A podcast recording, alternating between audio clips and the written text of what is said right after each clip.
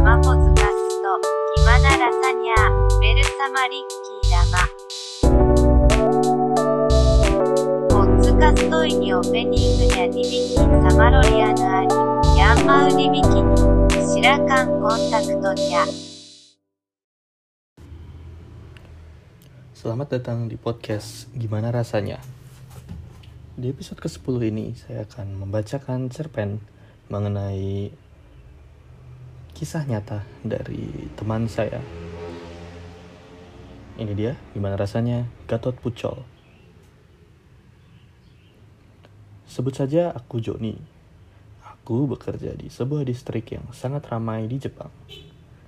Aku sudah tinggal di sini selama satu setengah tahun. Hari itu sangat melelahkan. Pekerjaan banyak banget yang harus diselesaikan di hari itu. Padahal aku sudah janjian ketemu Suzu dan Takeshi untuk nomikai. Tapi nggak apa-apa deh, aku delegaskan saja ke teman-teman. Untungnya mereka mau-mau aja ngerjain dasar orang Jepang. Pada penurut banget asli. Setelah briefing kerjaan ke mereka, Aku bergegas menuju lokasi nomikai. Akhirnya keluar kantor, kataku. Meskipun dingin, karena sekarang sedang musim dingin, aku langsung bergegas menuju lokasi. Oh ya, buat yang belum tahu, nomikai itu kegiatan minum-minum sepulang kerja yang biasa dilakukan oleh orang Jepang. Kegiatan yang kerap aku lakukan selama aku tinggal di sini. Tempat nomikai kami saat ini namanya Nomi Hodai. Bayar sekian yen selama 2 jam, boleh minum apa aja yang kamu mau. Di Nomi Hodai, kamu harus mengambil sendiri minumannya. Karena botol-botol sake biasanya berjajaran banyak banget dalam posisi terbalik. Suzu dan Takeshi sudah menunggu di pintu masuk. Maaf ya, aku telat, kataku. Langsung ketika menemui mereka. Iya, nggak apa-apa. Kita baru nyampe juga kok, kata Suzu berbaik hati. Suzu itu kecenganku sejak pertama kali ketemu. Kami sudah dekat sejak sebulan terakhir.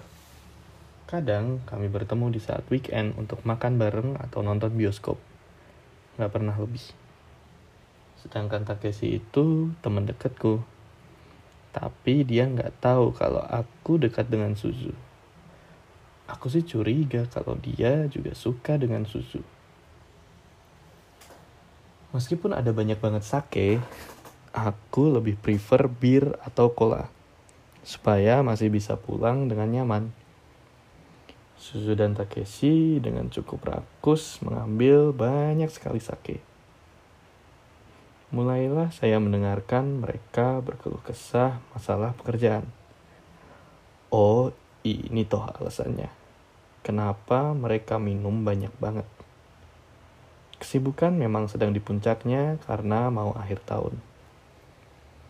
Suzu dan Takeshi mulai impersonate bos-bos mereka.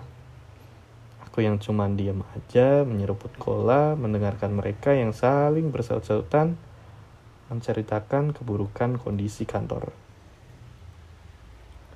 Suzu sudah ke 10 kali bolak-balik ke drink bar untuk mengambil minuman.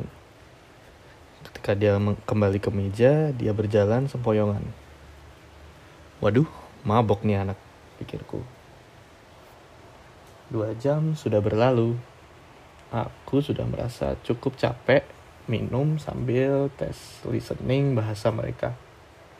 Mata mereka sudah merah sekali. Takeshi sih bisa lah pulang sendiri. Dia juga sudah biasa pulang dalam keadaan mabuk sampai meltdown.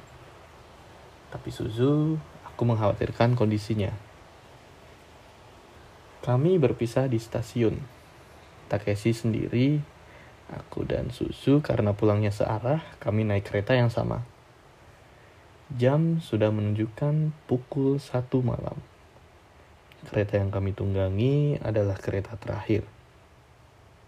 Di dalam kereta yang penuh, Suzu yang ada di sampingku terlihat sangat mabuk. Matanya merah. Beberapa kali dia diam menahan sendawa. Posisi berdirinya pun bertumbuh pada badanku. Karena merasa iba, aku berinisiatif ikut turun di stasiun tempat dia tinggal. Ini kan kereta terakhir, kata dia. Aku mulai ingat. Tapi mulai tumbuh rasa harapan untuk tidur di rumah dia. Iya, nggak apa-apa, kataku. Kamu kan kasihan jalan juga, kayaknya harus dituntun. Jadi aku mau ngantar kamu sampai rumah. Begitu kataku penuh rasa kepahlawanan. Aku menuntun dia selama jalan ke apartemen. Posisi jalannya pun sudah sangat sempoyongan.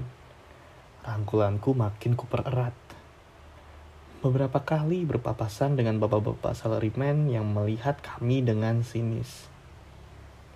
Di situ aku merasa apakah aku sedang OTW bungkus. Apakah fuckboy sering melakukan hal ini? apakah malam ini aku pecah telur? Lalu aku teringat bahwa di dompet aku sudah menyimpan kondom milik teman. Dia juga ngasih karena di kepercayaan Taiwan, menyimpan kondom di dompet dapat mengundang rezeki. Apakah malam ini aku mendapatkan rezeki? Pikirku dalam hati.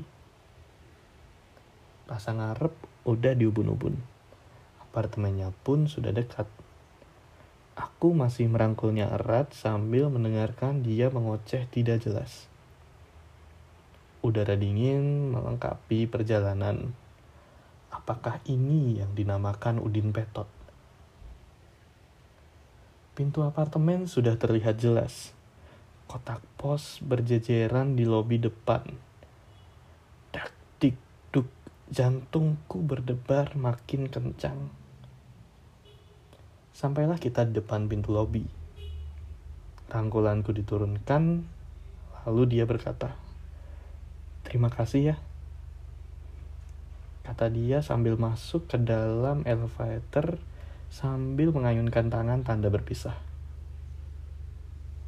Aku sendiri di lobi menahan konak jam 2 malam kedinginan. Akhirnya aku tidur di warnet terdekat hingga subuh menjelang menaiki kereta pertama untuk langsung bekerja lagi di hari berikutnya. Jadi begitulah rasanya Gatot Pucol.